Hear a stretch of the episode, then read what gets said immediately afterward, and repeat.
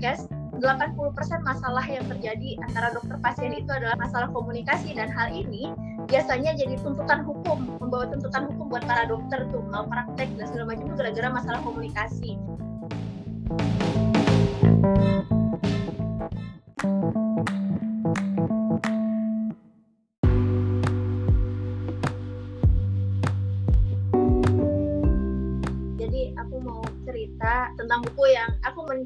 genre baru. Non fiksi kan juga banyak genrenya. Di Ipusnas itu ada buku etnografi. Nah, karena aku bukan orang sosial, jadi uh, itu hal yang baru buat aku buku etnografi.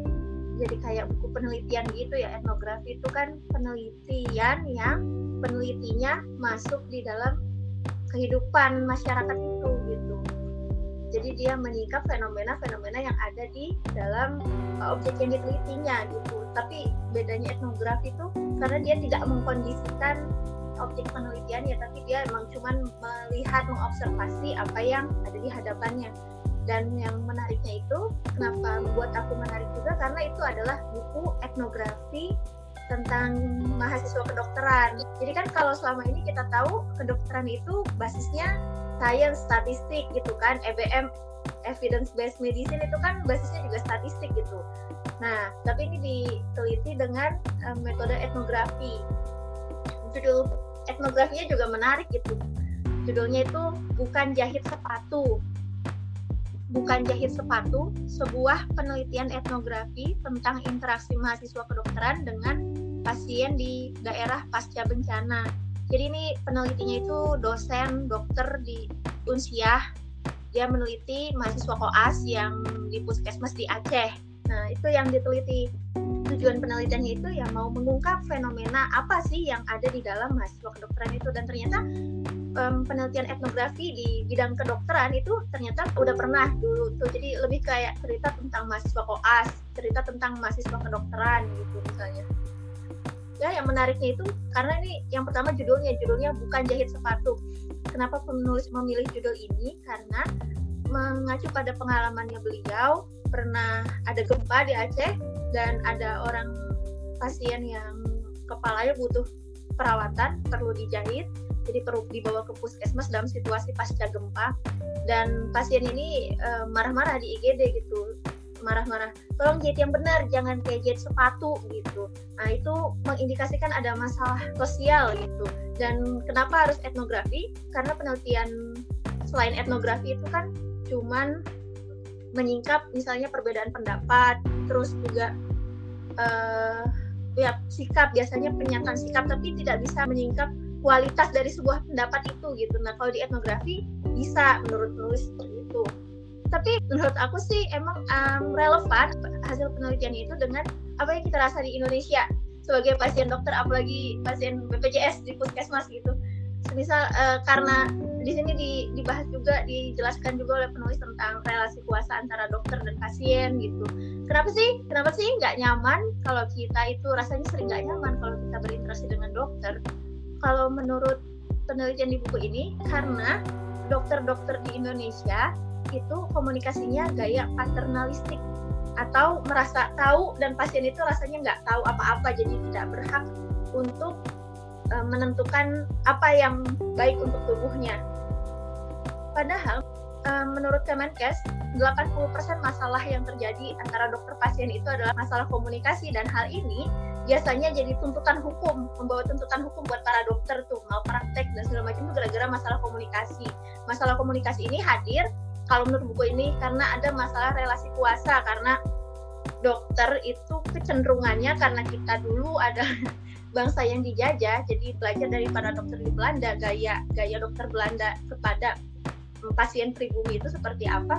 Ya seperti itulah gaya paternalistik gitu. Terus juga ada yang menarik yang diangkat di buku ini tentang istilah pasien karena kalau kita tahu kan gimana kita memandang sesuatu itu juga bisa dipengaruhi oleh istilah yang kita pakai.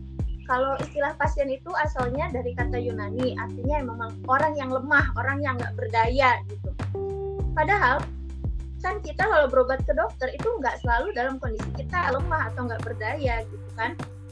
bisa aja kita emang cuma pengen tahu ada masalah kesehatan apa tapi kita belum sampai di level yang nggak berdaya kita masih bisa minum obat sendiri gitu kan dan pada faktanya juga kesembuhan itu kan juga dipengaruhi oleh perilakunya pasien. Pasiennya rajin minum obat nggak? Pasiennya menjaga makanan nggak? Itu adalah wilayah kuasa pasien bukan wilayah kuasa dokter gitu.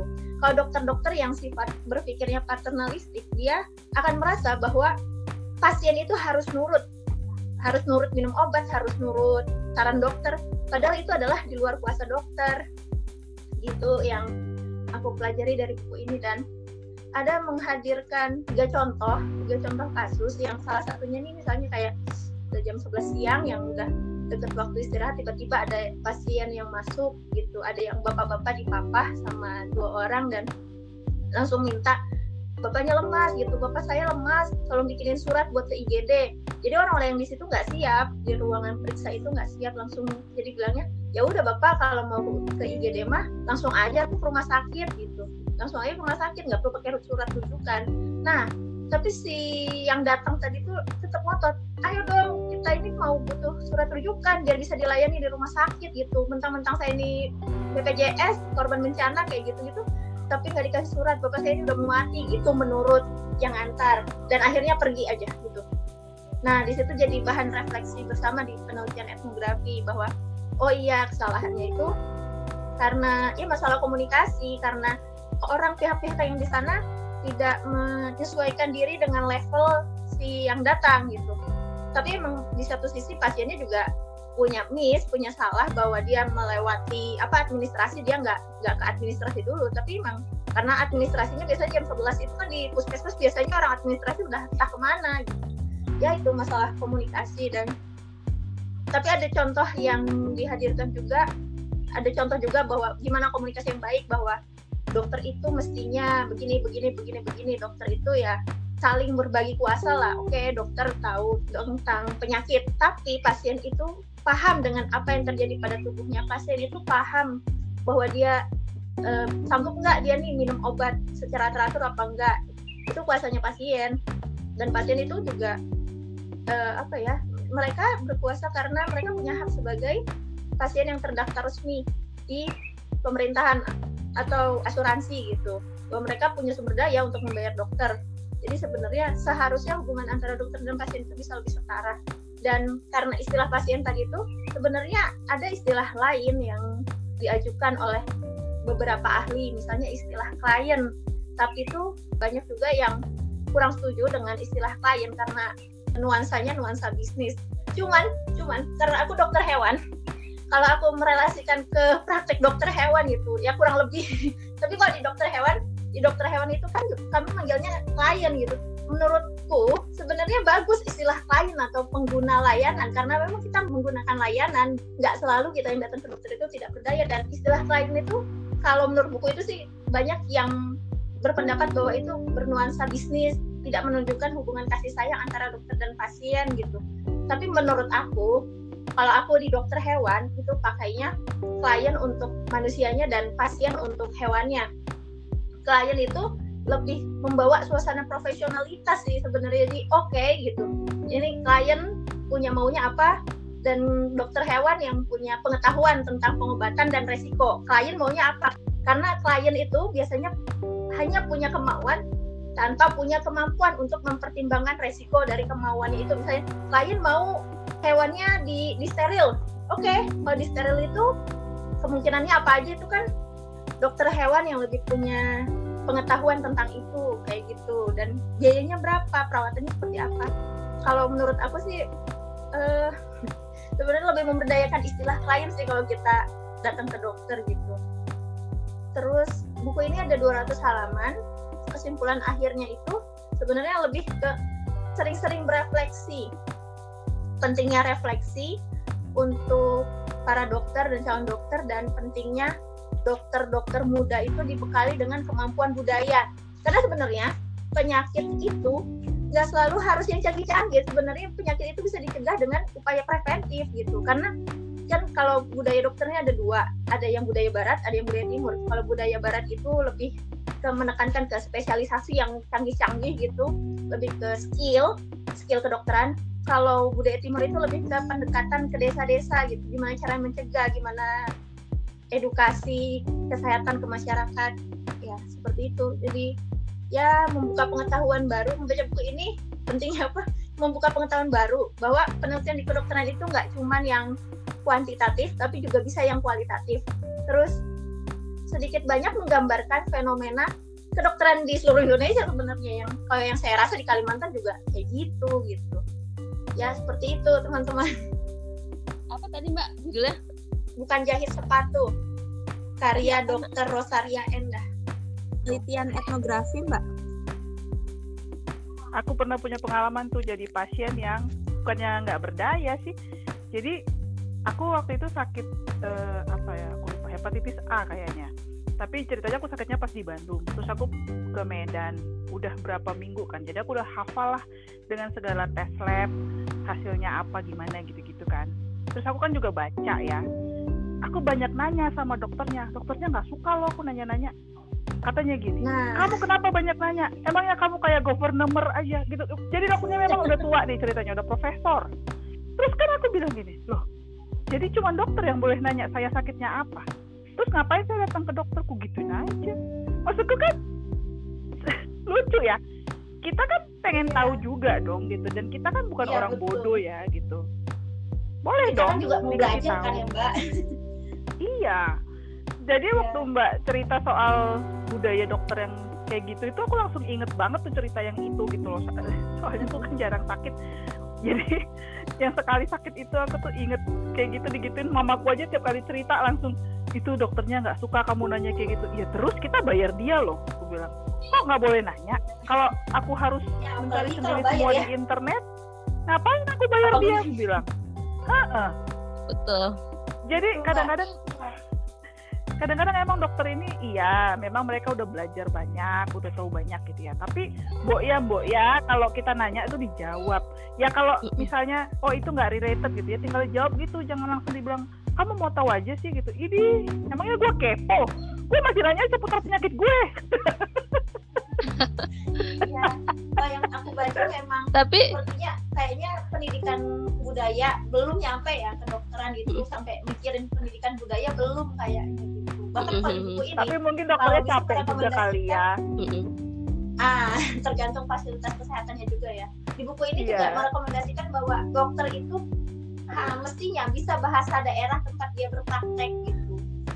Karena di buku itu ada contoh mahasiswa dari Jawa oh asli Aceh jadi nggak bisa ngomong sama pasiennya. Dan kalau bahasa Indonesia pun um, apa ya komunikasinya kan tersendat gitu. Iya. gimana yeah. pasien mau menyampaikan apa yang dirasa tuh gitu. Malah kurang nyaman juga gitu. Dan harus yeah. dokter itu semestinya memperhatikan bahasa nonverbal juga terutama yang di fasilitas kesehatan yang pertama puskesmas gitu. Karena karena apa yang dia bilang kayak contoh yang tadi itu saya minta surat gitu. Maksudnya itu padahal bahasa nonverbalnya itu adalah dia pengen bapaknya di diobatin dulu gitu. Entah diapain kayak dipegang kayak apa kayak gitu. Bukan masalah suratnya gitu. Tapi ya itu kemampuan kepekaan untuk menangkap bahasa nonverbal tuh kurang dilatih. Kalau aku nangkepnya yang soal surat itu ya mbak. Masalah surat pengantar kebanyakan orang. Iya. kalau langsung ke rumah sakit nggak diladenin. Kalau nggak ada surat pengantar dari puskesmas jadi dia iya, berpikir tapi kan bisa IGD mbak Iya, tapi maksudku dari mungkin dia dari pengalaman sebelumnya kalau nggak ada surat pengantar iya. nggak diladenin. Udahlah kita ke puskesmas minta suratnya aja biar diladenin yes. gitu loh. Jadi ada masalah pengalaman juga dengan sebelumnya pasti kayak iya. gitu gitu loh. Iya. Itu kalau aku ngelihatnya biar bisa dibayar pakai BPJS misalnya gitu. Makanya dia ngerasa iya. ya mentang-mentang gue BPJS jadi gue nggak diladenin gitu. Dan ya iya. ya ada pasti masalah sensi setiap orang merasa pengen diduluin. Ini urgensi yang gitu-gitu loh. Ya masalahnya mungkin rumah sakitnya sendiri juga kadang-kadang udah overwhelm kali. Jadi juga ya kalau misalnya bisa ditangani di puskesmas mah ke puskesmas aja nggak usah ke rumah sakit kan gitu mereka. Ya itu jadi masalah sistem juga sih. Ya, cuman kan menurut aku gitu setiap pihak punya peran gitu ya apa yang bisa dilakukan perannya untuk memperbaiki itu sistem yang belum iya, belum betul Kalau Kalau yang Indonesia, pengalamanku itu aku bukan di rumah sakit, bukan di puskesmas loh. Aku ke praktek dokter oh, klinik yang di rumah. swasta. Iya. Berat kan dong aku nanya ya. Iya. Aku bayar loh. Iya, Mbak. Dan itu Iya, saya tahu. Apalagi. digituin. Aku langsung yang aku bilang waktu mama aku bilang udah kamu gak usah banyak nanya-nanya loh. Itu aku udah kuliah kan. Jadi udah kritis kan gitu. Emang kita kalau waktu sekolah mungkin dulu eh, budayanya kita kan nggak berani ngomong ya. Iya ada. disuruh diem aja gitu kan aku udah udah kuliah di situ jadi udah mulai bertanya gitu udah mulai baca udah mulai cari tahu udah mulai ini kan nanya gitu padahal yang tuh pertanyaannya related sama penyakitnya gitu loh eh terus dokternya ngomong kayak gitu kamu ngapain banyak banget tanya-tanya gitu loh terus kalau gue harus nyari di internet semua ngapain gue bayar? Lu kan gitu ya. Kalau mau nyolot ya tapi aku nggak bilang gitu sih. Dia bilang ya kan biar saya tahu informasi yang benarnya gimana gitu. Ya itulah. Dan waktu aku itu pengalamannya memang dokternya udah agak tua ya. Jadi mungkin memang juga udah capek kali banyak pasien pengen cepet-cepet biar next passion kan. Kalau semakin banyak pasien datang kan makin banyak cuan Iya, di satu sisi emang jadi dokter mahal banget. Apalagi spesialis. ya. Tapi alhamdulillah sih sekarang kan ada aplikasi ya. Aplikasi dokter. iya Oh, iya. Itu membantu. Jadi ada bentar ada referensi jadi dokter. iya Ya itu dia, kita udah bayar mahal. Jawabnya cuma gitu. Udah gitu cuma lima menit. Aku pernah lima menit Iya. doang. ngantrinya Iya, berjam-jam Iya, aku nanti aku kondisi hamil kembar gede, terus akhirnya katanya hasil pemeriksaan di dokter biologinya kan gula aku agak mendekati kritis tapi belum masuk yang gula tinggi banget, tapi agak ke arah situ. Diperiksa, udah nunggu, terus akhirnya nunggu dokter lagi dateng, dokternya cuma gitu doang. Udah nih minum ini, ini bahaya nggak buat kandungan saya? Enggak. Terus udah pergi gitu aja. Aku ya kan masih mau nanya-nanya maksudnya gulanya itu kan bahaya aku berpikirnya dulu nyari tahu juga kalau akunya gula terus ke anak laki-laki kan katanya ada pengaruhnya gitulah ke perkembangan bayi gitu gitu. Aku mau nanya lagi deh gitu doang. Dan bayarnya ya udah gitulah bayar pribadi. Ya begitu ada yang pas aku keguguran penyampaiannya kondisi janin aku tidak tidak tidak. Cuma bilang ini bukan anak dia bilang gitu maksudnya kondisi isi aku ibu hamil yang eh, kegugur apa sih lagi eh, Lagi down gitu Pendarahan. ya. eh, eh, lagi down Hmm. pendarahan aku flag gitu ya aku flag aku eh, pulang kerja langsung ke dokter itu terus belum ada suami terus dokter itu ngomong ini bukan anak dibilang gitu maksudnya ini kan ya gitulah aku langsung oke abis itu nggak mau lagi ke dokter itu dan aku nggak mau dikuret sama dia walaupun itu bukan akhirnya keguguran tapi aku juga nggak mau dikuret sama dia ganti lagi dokter. Ya gitu maksudnya eh, kemampuan berbahasa kemampuan berempati ya. Karena dokter kan Iya. berhubungan dengan pasien yang kondisi banyak pikiran ya bisa jadi dengan pasien yang kayak gitu lah. Eh, bukan saja kadang bukan saja fisik yang sakit. Jadi ketika jadi kalau an- anak yang sakit aja yang orang tuanya yang disampaikan penyakit anaknya kan orang tuanya dengan banyak berbagai pikiran di belakang nih. Menerima ponis sakit anaknya aja kan perlu kemampuan verbal yang sedikit harusnya lebih baik. Iya tuh dokter-dokter perlu belajar bahasa. Heeh. bukan bahasa nih, Iya, Iya, walaupun- komunikasi. Ya walaupun aku tahu itu udah gelembung-gelembung ya kalau menurut dia memang bukan janil udah udah pecah-pecah aku nggak lihat di USG tapi kan tidak begitu ngomongnya. Harus lebih empati. Pengalaman aku baru pindahan ke rumah yang ini eh, nyari dokter anak biasa lah ya. Ke dokter ke dia terus dokternya ya gitu nggak komunikatif kayak gitu ya udah. Berikutnya nggak ke situ lagi. Sekarang ya seperti kata Karisna kita kan sekarang ya emang udah pinter ya kalau cuman dibilang ya anak kamu panas perlu paracetamol gitu doang lah kita bisa googling gitu kan. Kalau kita ke dokter kan kita pengennya lebih banyak ngobrolnya ya lebih lebih banyak masukan lah dan kita juga nanya kayak gitu kan dalam tujuan untuk menenangkan diri juga kan boleh dibilang. Kalau aku ya seperti itu kan. Jadi apakah langkah-langkah yang kita ambil sekarang ini udah benar?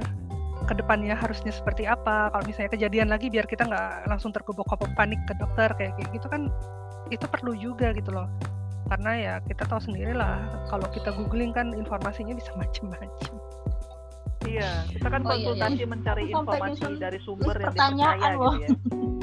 Nah, Iya betul. Iya, kadang-kadang kalau gitu sebelum kan. ke dokter anak pasti nyusun list biar nggak lupa. nah Ya kalau misalnya semua ada di internet, ngapain pergi ke dokter kan? Itu dia. Justru kita ke dokter karena kita merasa lebih baik kita konsultasi ke ahlinya yang udah belajar, yang udah ngelihat lebih banyak gitu ya. Apalagi kan kadang ada penyakit tuh yang musim ya. Jadi mungkin kita ngerasa cuman, oh jangan-jangan ini cacar gitu. Ternyata misalnya itu lagi musim yang lain gitu kan. Kenapa anak bintik-bintik misalnya gitu kan. Si dokter pasti lebih tahu lah daripada kita gitu. Kita cari di internet bintik-bintiknya itu semua kelihatannya sama gitu.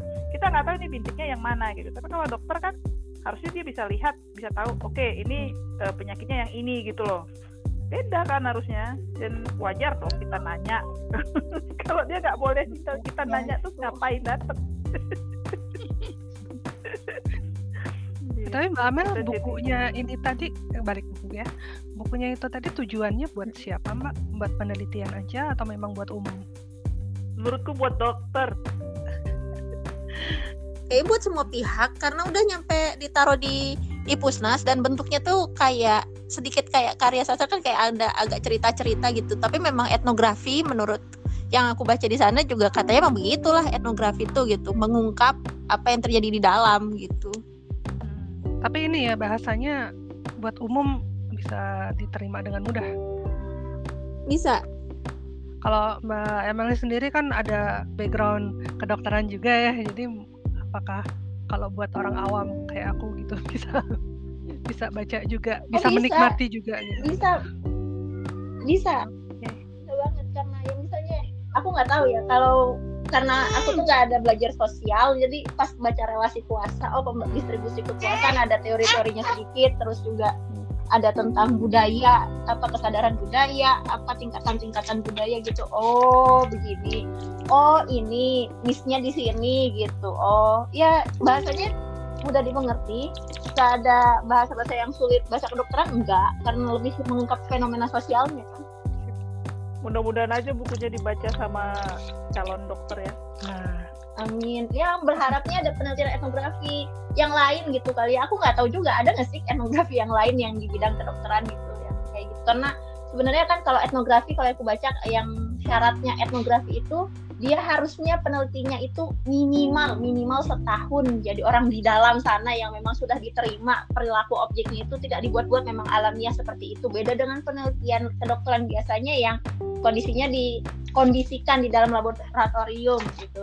Ini kan enggak dan harusnya kalau etnografi itu minimal setahun tapi ini juga penelitiannya cuma enam bulan membersamai mahasiswa koas itu seharusnya sih enggak. Cuman penulisnya berargumen bahwa karena dia sudah jadi mahasiswa kedokteran juga sudah pernah terus sudah jadi dosen juga di kampus kedokteran jadi dia udah jadi orang dalam. Karena kalau penelitian etnografi harus jadi orang dalam gitu istilahnya.